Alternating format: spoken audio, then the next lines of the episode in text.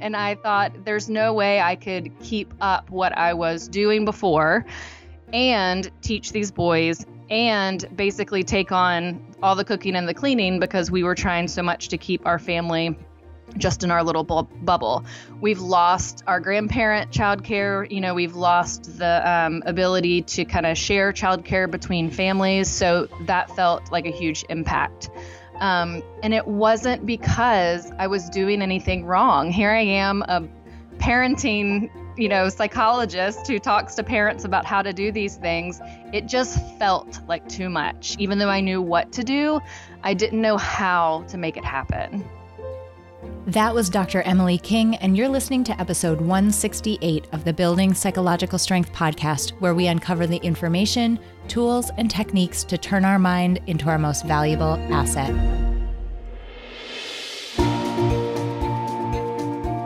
The courage to face fears with persistence. Being able to be present enough in this moment to choose my response thoughtfully. We have the strength to bend to life stressors, to bend to adversity without snapping, without breaking. There are only six things that contribute to our quality of life, and they are all experiences. In every moment, we are deciding who we want to be and how we want to live our lives. Noticing what your brain is doing and then being able to make choices. Mobilize the things that we know lift us up. Fear is not logical, it's primal. Hi, friends, and welcome back to another episode of the Building Psych Strength podcast. My name is April, and I'm your host. And continuing on with the theme that we've been on recently, this week's episode will be a very timely and actionable one to help you out potentially with some of the things that you might be tackling and struggling with as we all move through these very uncertain and very strange times of this global pandemic. I want to cut to the chase this week and really get into the episode quickly. So I'm just going to make one quick announcement before I dive in. Uh, you may or may not know that Peak Mind, since this pandemic has happened and since we've all begun social distancing and sheltering in place and quarantining, we have begun hosting bi weekly, that means two per week, uh, bi weekly psych strength building workshops. These are absolutely free.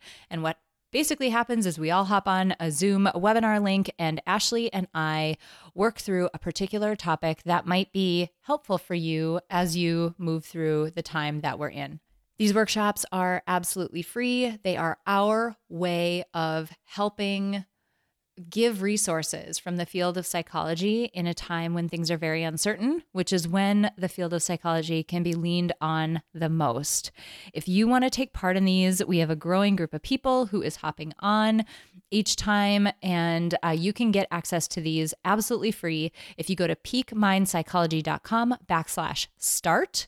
That's S T A R T, as in begin you can sign up for our starter pack, which also has a bunch of modules that are really awesome inside of it. Those are all free as well. But inside of that, you get all of the details for how you can access these calls. Also, you can access the replays of the calls that we've done so far. Like I said, our main goal is to just be of service and be of use during this time when the information from this field can be so helpful in helping people thrive through the adversity that we're all facing. So, wanted to let you know that those are available for you. Okay, so on to this week's episode. It's really interesting because I get my guests from a number of different uh, places. Sometimes I stumble on people online which is the case for this week. Sometimes I see interesting books that are coming out. Sometimes other people reach out to me and suggest that a guest might be really amazing for um, for the podcast. This week's guest, Dr. Emily King, came from a meme that I saw on Facebook.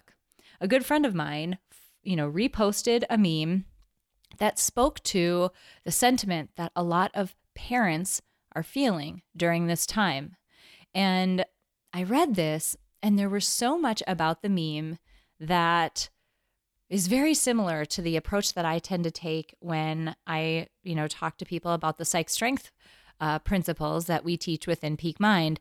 And I knew that I had to reach out to her because she just has such a clear, compassionate approach to helping parents realistically handle the situation that we're all in right now.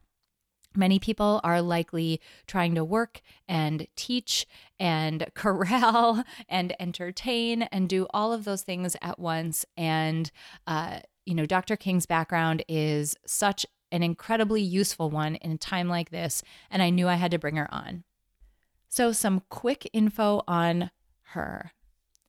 Dr. Emily King is a licensed psychologist and a health services provider in private practice in Raleigh, North Carolina. She specializes in working with children and adolescents with anxiety, ADHD, and autism spectrum disorders.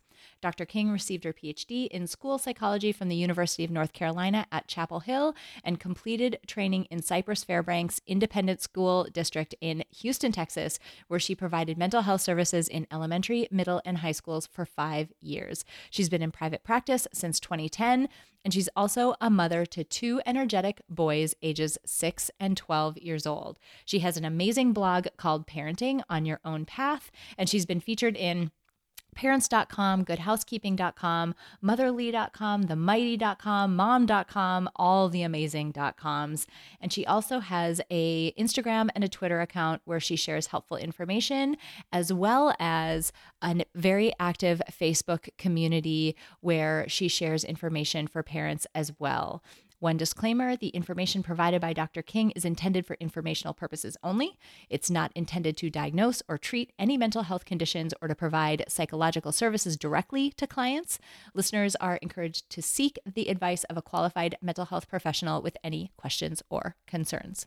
I'm so excited for you all to hear from Dr. King today. I know you're going to find that her take is an extremely actionable, valuable, and I keep saying it, but realistic one given the situation that we're all in. So I hope that you take a lot away from this episode, and I hope that you share it with other parents who might be experiencing the same pressures and difficulties that so many of us are right now. These are trying times, and it is a time for us all to come together and share resources when we stumble upon ones that we find that are useful. All right, let's roll that interview.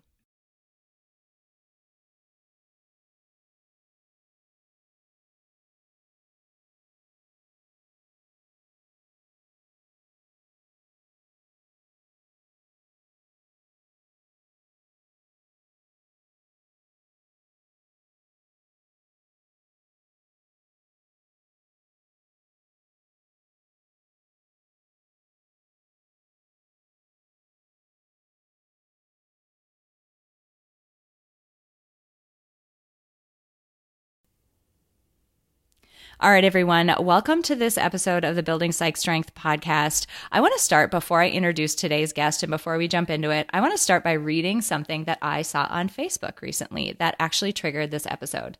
It says, Public service announcement Parents, what we are being asked to do is not humanly possible. There's a reason we are either a working parent, a stay at home parent, or a part time working parent. Working, parenting, and teaching are three different jobs that cannot be done at the same time. It's not hard because you're doing it wrong, it's hard because it's too much. Do the best you can. When you have to pick, because at some point you will, choose connection. Pick playing a game over arguing about an academic assignment. Pick teaching your child to do laundry rather than that rather than feeling frustrated that they aren't helping. Pick laughing and snuggling and reminding them that they are safe. If you're stressed, Lower your expectations where you can and virtually reach out for social connection. We're all in this together to stay well. That means mentally well too.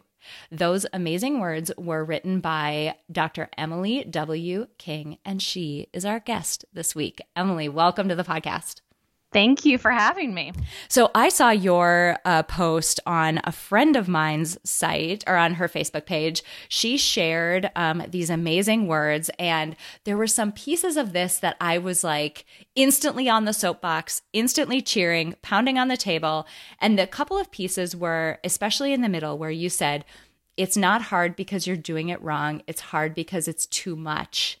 Oh my gosh, there's so much about this that I mm-hmm. want to dive into, and I'm so excited.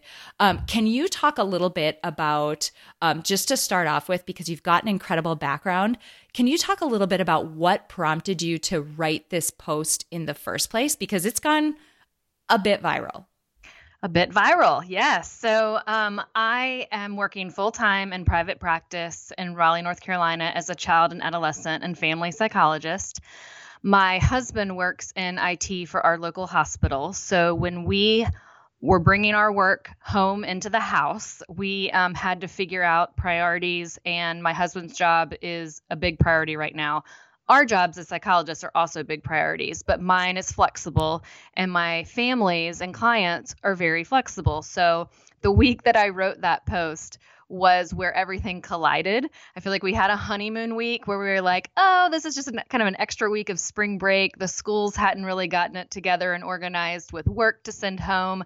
My clients were kind of like, well, I'll just take a week off and we'll check in in a week. And then last week is when I wrote it, and I I think it was Tuesday afternoon. I was sitting on the couch in the playroom late in the day. My I have two boys, six and ten years old. I'm sorry, six and twelve years old, and they were kind of climbing on me and whiny, and we were tired. And I thought, okay, I did a little teaching today. I did a little psychology today, and I don't feel like I worked at all. I don't feel like I got anything done. And I thought there's no way I could keep up what I was doing before and teach these boys and basically take on all the cooking and the cleaning because we were trying so much to keep our family just in our little bu- bubble.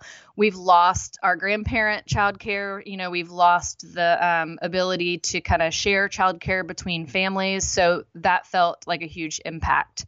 Um, and it wasn't because I was doing anything wrong. Here I am, a parenting, you know, psychologist who talks to parents about how to do these things. It just felt like too much. Even though I knew what to do, I didn't know how to make it happen. That's amazing. I so what's amazing about this is that uh, where I want to absolutely start I say this a lot on this podcast.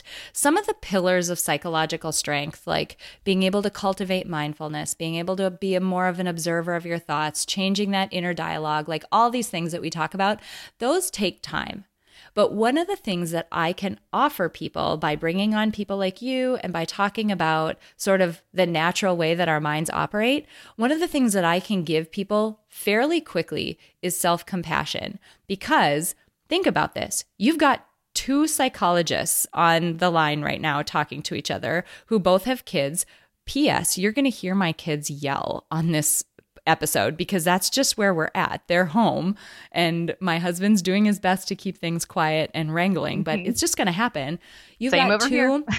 Right. You've got two psychologists who have been trained in this stuff, who have been actively using this stuff, who are still having a difficult time. And right. that's where I loved that line in your post when you said, it's not hard because you're doing it wrong. It's hard because it's too much. And that right there, and the fact that people who are allegedly experts in this stuff are also struggling should give you some immediate self compassion that the difficult time you're having, the struggle that you're experiencing, your shorter fuse, your potentially scrambled mind that can't remember why you walked into the kitchen, but you know you went there for something important. All of those things are happening because the circumstances around you are just overwhelming. They're really difficult. And so self compassion is something that I immediately, with the parents and other people who have a lot on their plate right now, I want you to just give your permit yourself permission to feel that because we're all working really hard right now. And yes, it is we not are. easy. No, and we all, no matter what our routine was before, our routine has been stripped away from us. And when that happens, we can get completely disoriented. And that's why we walk into the kitchen and can't figure out w- what we're doing there because our brain is trying to process what day it is and what's my schedule today and what do I need to do today. And when things are automated in a routine of a family's life and of a work schedule and a school schedule, even if it's a family who is home a lot or homeschooling or doing activities, they can't go out and do activities right now. So their routine has changed too. And it's so disorienting. Absolutely. And something that we spoke about a little bit, you know, before we hopped on to record is that, you know, there are a lot of families who find themselves in this position on the regular. I, I think you said that a lot of your um, caseload and a lot of your um, practice focuses on families who have kids with special needs um, of a variety of sorts. Also, you mentioned homeschooling families who are juggling these types of things. There's something to be said, and let's all like focus back on things like growth mindset and the fact that we learn, right? Adaptation happens when something's new to you. You're like the worst at it that you're ever going to be because you've never done it before. You haven't figured out all the little hacks. You haven't developed a new routine. So, you know, to a large extent, yes, a lot of us are experiencing what other parents might experience, but it's at that very beginning, right? It's comparing um, you know, where we are right now trying to juggle all of this uh, with somebody who might have been doing it a lot longer and might be a bit more expert. Not to downplay their experience because, gosh, it's hard. But the point I'm trying to make is that everybody's working really hard right now. Everybody's experience is very nuanced right now. And keeping that in mind and keeping in mind that everyone's doing the best job that they can with the best of intentions, I think is going to be really important for us. Absolutely. And I just, what you're saying is reminding me of what I just listened to the other day was Brene Brown's um, first podcast episode. And she talks about the first time you do anything, you're terrible at it. And she was saying, you know, this is everyone's first pandemic. We don't know what we're doing. And then you add on top of that fear and anxiety and the just the unknown of how long we might be doing this. And it's overwhelming. It really is. So, um, taking you back to um, that first comment about the families that I work with, that's absolutely true. You know, I have a lot of families with um, children with autism. I am actually a mom of a child on the autism spectrum. You know, we are very adaptable parents. You know, we have lots of experience in letting go of how long we might be trying this or letting go of what the end outcome may look like and just doing the next best thing to see what works. And that takes practice and growth mindset. But a lot of the families I work with, they're actually probably doing okay right now. I mean, for the young kids, there are lots of sibling things I'm talking to families about. For teenagers, there's a lot of, you know, kind of social isolation we're trying to be careful about. But all of my families with sensory issues or or anxiety about big groups and test anxiety, anything related to school, and then just autism and overall the structure of traditional school and how hard that is for families. This is actually a nice little reprieve for them. And they're I'm getting feedback that they they don't actually need to meet for session this week because things are very calm and nice at home, and so it's been an interesting thing to watch um, over time because it's true we do have so much on our plates out in the world, and when you strip all of that away, it's interesting to notice what's left over, what is important to us, and what was worth all of that rushing around and doing all of those things. Mm-hmm. Something that you mentioned, um, you know, a bit ago, is you mentioned that you know you and other parents who um, have kids who have special needs are used to making the best decision they can about what the best next step is. And I think that's a really important thing to tease out because when you think about it, a lot of us, and I'll raise my hand with this, a lot of us are used to trying to think about, okay, if I if I take this step right now, this is going to put us on this trajectory and what's the best outcome we can hope for? Like way into the future, like what's the best path that I can put my kid on and what's the exact right thing to do at this stage? But when you when you really boil it down to the position that we're in right now, we can't do that. Like we right. we for a number of reasons. One, um, we're playing a very short game right now in terms of just keeping our families afloat. It's a very long game in terms of why we're isolating and why we are, um, you know, taking the CDC guidelines and all of that seriously. But in terms of our day to day decision making, we're very much playing a short game where it's it's what is that next best thing that you can think of and um and that might not be the perfect op- optimal decision to be making were we in different circumstances, but we're not. Absolutely. The the best example that's been coming up this week is screen time. You know, we are allowing our kids to access screen time more during the day, but the purpose of it is very intentional. They're connecting socially and they're maintaining a routine with their learning online. And those are things that no, we wouldn't choose to stay home and do it that way. But given this situation, this is the next best thing to let them do because they need to stay socially connected. We need to have an hour for a work call. You know, there are things that are we're going to have to prioritize and think about and just make that next best decision for the right now because this is a marathon, not a sprint. Mhm. Yeah. Something that you also said in that post that I thought was extremely important for people to keep in mind is that you know, you said we're all in this together to stay well, and that means mentally well too. And it, it's funny because so in the process of of all of this happening peak mind has started to offer these free psych strength building workshops anybody can join if you want to join you can go to peakmindpsychology.com backslash start sign up there inside the starter pack, which has awesome modules in it, by the way, that are totally free, you can sign up for these calls and hop on with us. They're Mondays and Thursdays. They may have to change the time now that my kids are home with me and my husband will be going into crazy ER shifts, but um, we'll be having them twice a week. And one of the things that we talked about on this most recent one is this notion of self care. And I've got a big old soapbox rant behind this that I will attempt to keep very short. But if you Google self care or you look at the Instagram version of self care, it's bubble baths and manicures. And that is not what we're talking about. What we're talking about is you are a living, breathing animal, right? You're a living, breathing human being with only so much capacity on a day to day basis. Your self care are the activities that are needed to support the care and feeding of that human being. And right now, those might be really basic. Are you drinking enough water? Like, as you're running around your house, are you drinking enough water? How's your sleep schedule? Are you getting five seconds to just calm your brain? Are you getting five seconds to put something, in my case, and this is all very individualized, to put something intellectual into your brain that is not Daniel Tiger or reading a book about, you know, a, a bouncing puppy to my kid, which I love doing, but I need that other side of the coin too. It's social connection. It's so many of these things.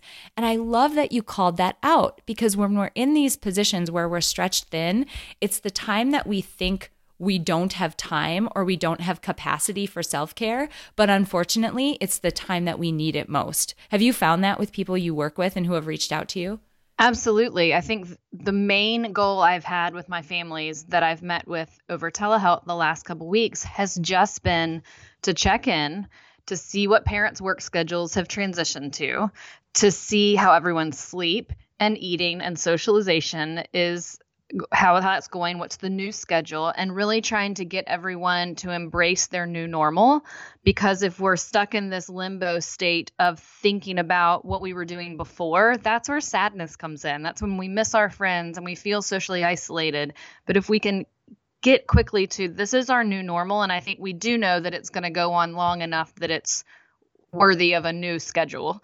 Um, I think there was a week or two there where we thought, oh, I'll just skip the gym for a couple weeks, mm-hmm. or I'll just I'll just uh, work from home for a couple weeks. Now, this is a you know new normal schedule that we need to adjust to, and within that, where does our self care fall? You know, how were we working out before, and how can we do that in our home? How are we socializing? How are we eating yummy food? Now that we can't go to restaurants, and what does that look like now? And what does that look like for our kids? what is theirs, especially for the teenagers. One thing that's come up a lot um, lately with my teenage clients is they really miss their um, sports and arts activities. And even the ones who don't do those activities, they really miss going to concerts. They really mm. miss just watching sports on TV.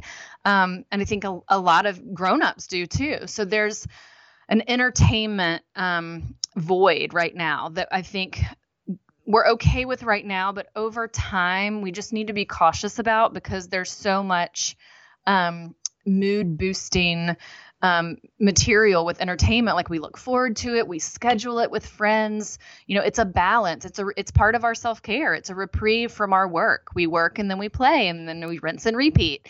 And so we need to figure out how to intentionally make those happen it's going to be virtually for a little while but how can we intentionally fill that need within this context adore that you said uh, the word intentional. And that's another soapbox of mine that I want to talk about for just a minute because I don't want people to miss what you just said because it's so critical. In times like you know this is this is the case i don't care if we're in a pandemic or not. This should be a case across the board but it is especially important now when we're not naturally getting what we need. Entertainment is one of them, downtime is one of them, exercise is one of them. Like all of these things that sometimes more naturally occurred in our schedule, but if we're being honest, they're still not supernatural for us to get normally. Um, we have to be intentional about figuring out how to do it. And what that means is, and this can seem really artificial for people, but it isn't. This is just what it takes. It's if you if you're feeling off kilter right now or you're feeling like you're not getting what you need, sit down and what are those things? Like, what are those basic? I like to, you know, bucket it into a few things mind, body, soul. Like, what are those basic things that fit within those three areas that at a basic level, what is it that you need to feel good? What are those activities and how can you pencil them in? And to your point, screen time with our kids, we're intentionally setting up our day now where I'm like, okay, we're going to try to get outside mid morning. We're going to try to, um, you know, do some academic sort of things in the morning. We're going to try to go outside. And then when we come back in, I know that this is the time where my kids get to watch maybe 40 minutes of something on TV that's still, you know, semi educational, but also entertaining for them. But I know that I'm going to get that bit of time to clean that thing that's been bugging me, read that book that feeds my soul, um, answer those emails that I've been like ruminating about, whatever it is. And I bring that up because this intentionality of it, um, there's this interesting. Um, there's this interesting theory in endurance sports. It's called the central governor model. And basically, if you tell an endurance athlete, okay, you got to go run 20 miles today, they're like, okay, cool, and they go run 20 miles and you don't get too much of a fuss. If you tell an endurance athlete, however, you have to run 15 miles today, oh, just kidding, it's 20, run five more, and you move the goalpost, they lose their mind. And I was one of them. I get it because we're really good at being able to sustain and work toward a definable goal and sometimes, if you have those, we're calling them within Peak Mind, those anchor points in your day. I know that at 11 o'clock, it's an anchor point for me where I've decided that this is when we're doing screen time. My kids can watch a TV show that they want to watch, and that's an anchor point for me. I can reground, give myself what I need. It's amazing how well we as just a species can endure if we know that there's a finish line or a check in point or an anchor point for us. I really encourage people to set those up intentionally. As you mentioned, sit down and write them out. When will this happen? Because it'll help you persist for sure. Exactly. And what you're describing is the reason that I explain to parents why routines are so important for children. Routines are important for all of us because it's the only time we can really go on autopilot and we can protect that stamina that we have to get through the day. Well, children I work with don't have a lot of stamina for the day. That's why traditional school is really hard for them. And um, coming up with these checkpoints or anchor points are helping them understand when is it work time, when is it play time, when is mom or dad available, and when are they not available, and helping them know those boundaries so that kids can at least know the expectations and then we could have a whole different discussion on if we don't have the skills to meet those expectations. But if they know the expectations and they have the skills to do it that should work. And if kids are not able to do that then it's more of a skills based discussion of maybe we're asking them to sustain attention at a level that's not developmentally appropriate for them yet. Um, but having that clear for a child will help them understand what's needed throughout the day. And I think we all have had those moments, as I did when I had my boys climbing on me at the end of the day last week, where they had more stamina than I had that day. I think it was my six year old that was climbing on me and wanting to play, and he's ready to connect, and I'm ready to be alone for a moment. And so our needs were mismatched in that moment. And um, without the extra caregivers in your life or without the extra energy that he you know probably didn't get enough exercise that day because we had i think it had been raining that day. Um, those were things that he was missing and he was trying to pull from me. Um, but i needed to just rethink how i was going to take care of myself so i could be available to support that in him. Mm, i can totally see that P.S. It should not be allowed to rain while we are all doing this. Know, right? We're facing a bit of rain and potentially snow. I'm in Minneapolis and it's potentially going to snow at the end of the week. And I'm like, what are you doing? Do you not know that we are on lockdown? Like, come on now. Um, something else that I'm curious about is within um, more like romantic partnerships and relationships, I can see this situation I'm wondering uh, uh, what you're talking to your clients about around not only the added uh, stress and uncertainty and just complete ambiguity and, and constant change of all of this, but also like, uh, you know, within my relationship, the more that the kids are around, the more that you end up feeling things like, um, by the end of the day, you do just need to be alone. By the end of the day, you might be really touched out. Like by the end of the day, there's things that are different now that can impact a romantic relationship or you know these long-term close relationships that maybe weren't there before i'm curious about what your thoughts are about how we can be better communicators and weather this a little bit better rather than um you know ending up with some issues that are coming up there and sort of adding to the plate that we all have that's very full right now. Absolutely. So, one of the first things I've been recommending to all parents, which I think this is something we really need be needing to be doing all the time, but it again is challenging us to just bring it to the table is just direct communication with our partner. So, you know, we all have a tendency to really want our partner to, you know, read us, to figure out what we want without us telling them, you know, how romantic that they can figure us out. Well, this is not the time for that. And so, if we need someone to unload the dishwasher before we come down for breakfast and that is so helpful for the morning, we are a team and we need to communicate that. It's a lot of logistics being in the house together, and especially without extra help of, um, you know, lots of families are transitioning to doing all the cooking and um, and cleaning, and all the schoolwork and all the working and all those things. And some families are used to doing that already, and some are not. So again, this is you know a learning curve for some. So that open communication is going to be so important um, and just to not even try to let your spouse figure it out. Just just let them know what you need. The second thing I would say is just to take it back to the love languages of, of Gottman. You know, think about how this situation might be changing those things. You know, it might be that we do need words of affirmation um, most of the time or physical touch. But maybe we don't want physical touch so much right now because we're with each other all the time. And maybe we need a little more words of affirmation because we haven't seen anyone outside of our family in two weeks. You know, so thinking about how that's adjusted for us and what um, our spouse needs in terms of us stepping it up and just respecting what they need to feel um, kind of happy in this relationship because when we're working as a team, it's it's just going to work better for our mental wellness.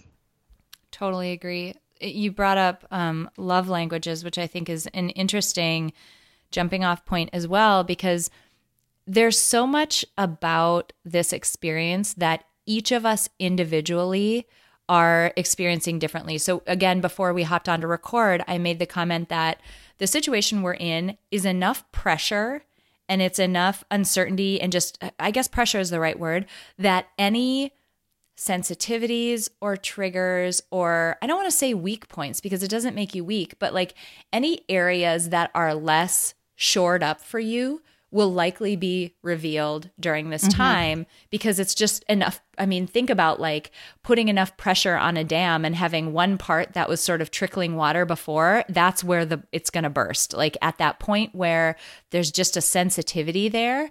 And for all of us, those are going to be different. And if you think about this is where intentionality comes from again and, and being a little bit of a life designer thinking about the human beings and what makes them tick who are at the center of your life right now, right? You and maybe your uh, partner and kids or whoever, roommate, whoever it is that you're around a lot right now.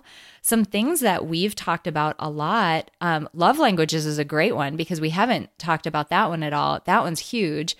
Also, introversion and extroversion. Yes. The extroverts are probably struggling right now. Mm-hmm. Like, it's pretty difficult. And even introverts in my life, I've reached out and said, Hey, I know that there are parts of this that are probably more um uh, like nicer, a nicer break from you, but if you reach your breaking point, like you know, even introverts have a limit. I, I am speaking to somebody really close to me in my family in this way. And like, it's okay to reach out, even if it's sort of out of the ordinary for you to do that. But the extroverts, around us are, you know, this is a tough time for them. Absolutely.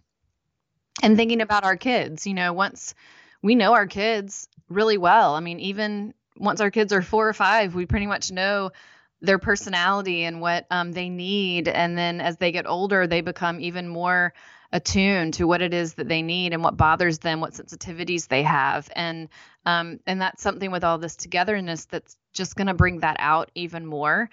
And I think that kids that are introverted or easily overwhelmed with the world, this is actually okay for them. Um, but kids that are really social and miss their friends and they have naturally gotten all of that input just by going to school every day and going to extracurricular activities, this is lonely for them. And so we need to to be intentional for them and scheduling some things that they can look forward to.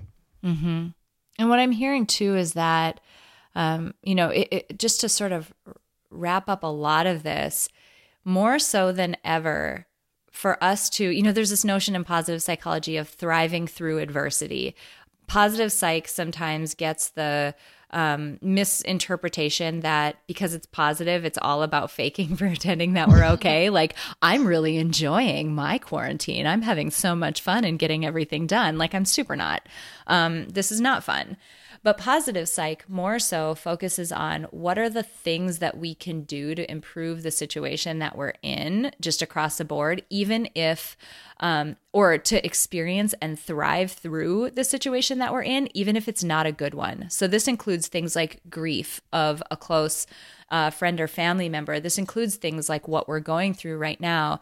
Thriving through that adversity is something that this field focuses on um, quite a bit. And, you know, there are aspects of it that we've talked about a lot with um, the, these peak mind workshops, but one of them is just the necessity of being more self aware. Like when you're at that point where you're just frustrated and angry and cooped up and you have all of those gross negative emotions for the purpose of self care and figuring out what's going to make you feel better, for the purpose of openly communicating with your close partner or your roommate or whoever you're living with for the purpose of, you know, dictating how you're going to interact with your kids and what that next right step might be.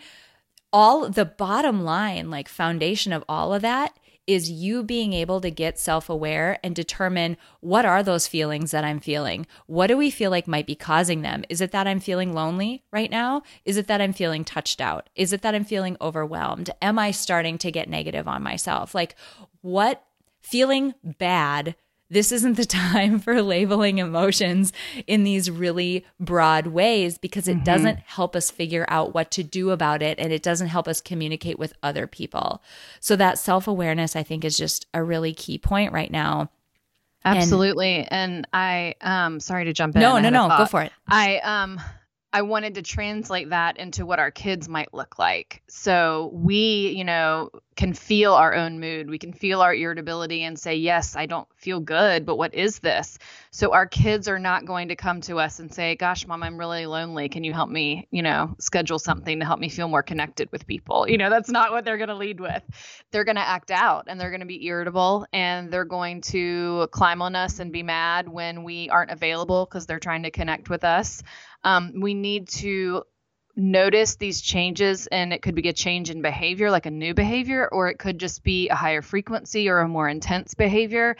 And what is the intention of that? What are they needing? Because usually behavior is a response to an emotion that's not met a feeling that they need that they're not able yet to communicate because they're ch- a child and they don't necessarily have the language or the social development to do those things. So we have to be detectives. And especially in this situation, we would expect some irritability, we would expect some sibling pushback although i've i think in several families i'm working with kids are actually getting along a little better because they're spending so much time together they're just knowing that that's all i got so i better figure this sibling out so we can play together but i think that the behavior we see in our kids, we have to interpret as intentional and figure out what they need. And then instead of only discipline, be very conscious about what we're seeing, what that child needs, and connect.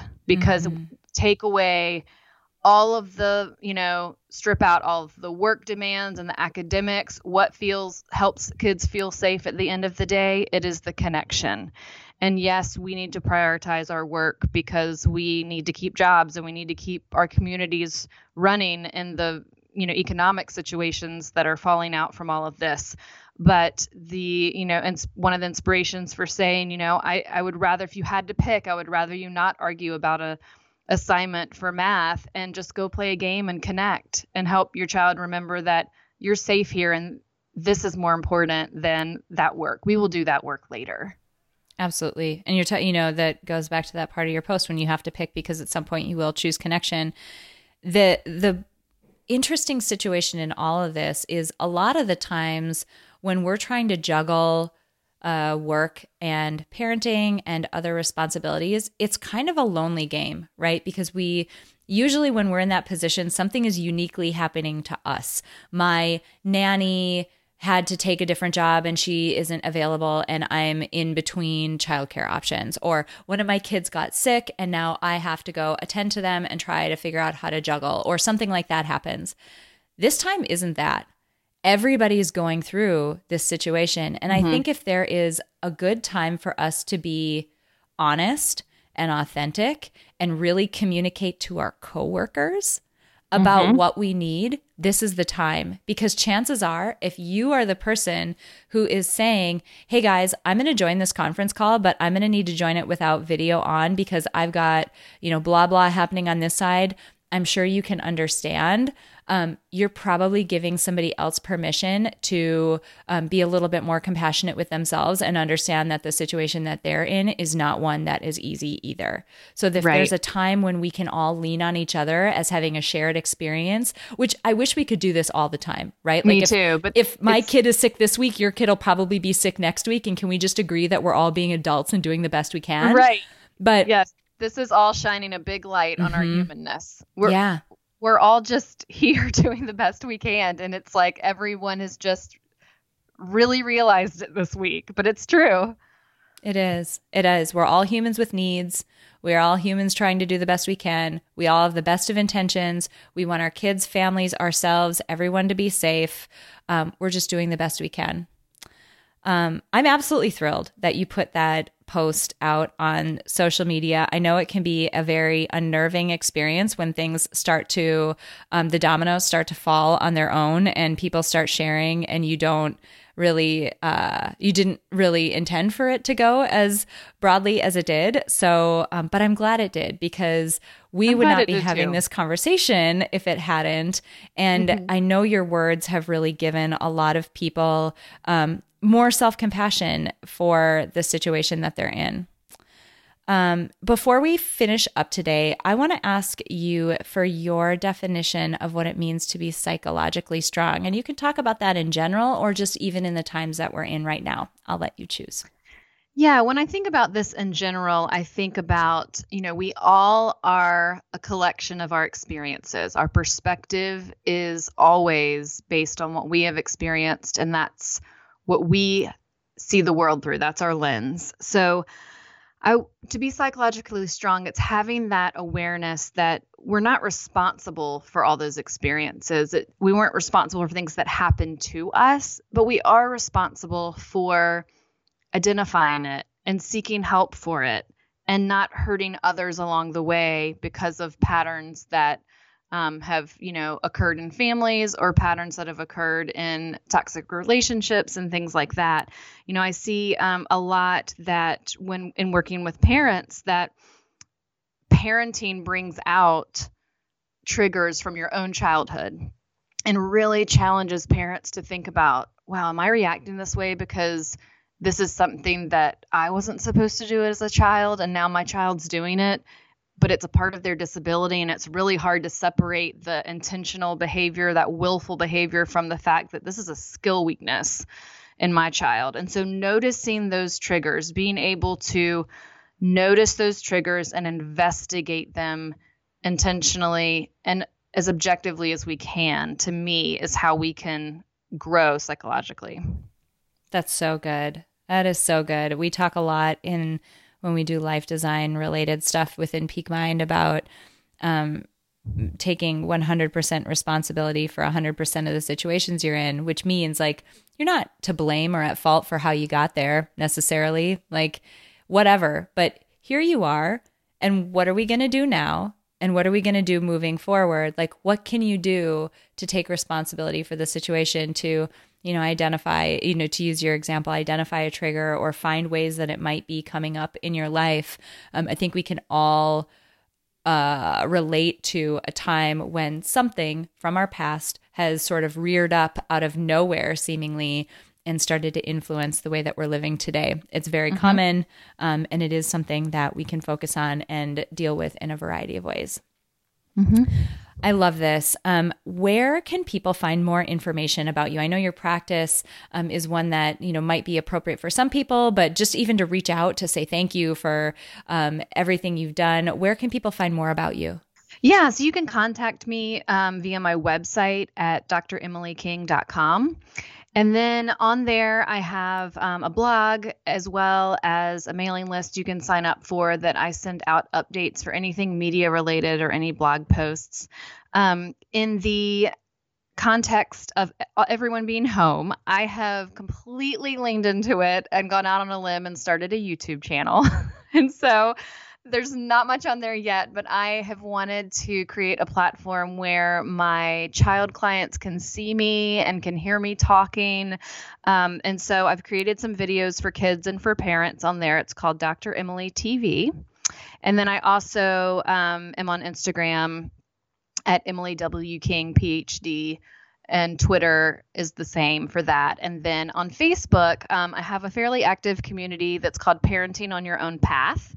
Um, and it was created mainly for the focus of um, parents raising children with disabilities because we are all on our own path. We're not following the trajectory of anyone else's path. Um, and ironically, I feel like the whole world has kind of joined that mindset the last few weeks because they're all just doing what they need to do for their jobs and their family. And um, there's no more time for the fluff of keeping up with anybody else. So we're all just doing the best we can. So um, that is a place where I post most of my helpful information and kind of cross post things from other media events. Amazing. Thank you so much for those resources. And again, Thank you so much for being here. I completely ambushed you, cold called you out of the blue when I saw that Facebook post. So the fact that you were so receptive and willing to turn it around so quickly and hop on to record with us was just amazing. So I can't thank you for enough for being here. Thank you so much for having me. It's a simple fact that nearly everyone in the world could benefit from building psychological strength. But not everyone will put in the time and effort to do so, but today you did. thank you so much for listening to this episode of Building Psychological Strength.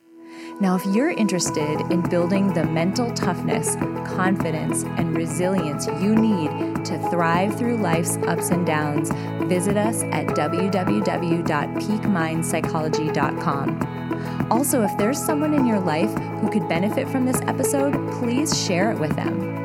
And if you yourself found this episode valuable, meaning if you took away even one insight that you can use to build psychological strength in your own life, we would so appreciate it if you would drop us a rating and a review on iTunes.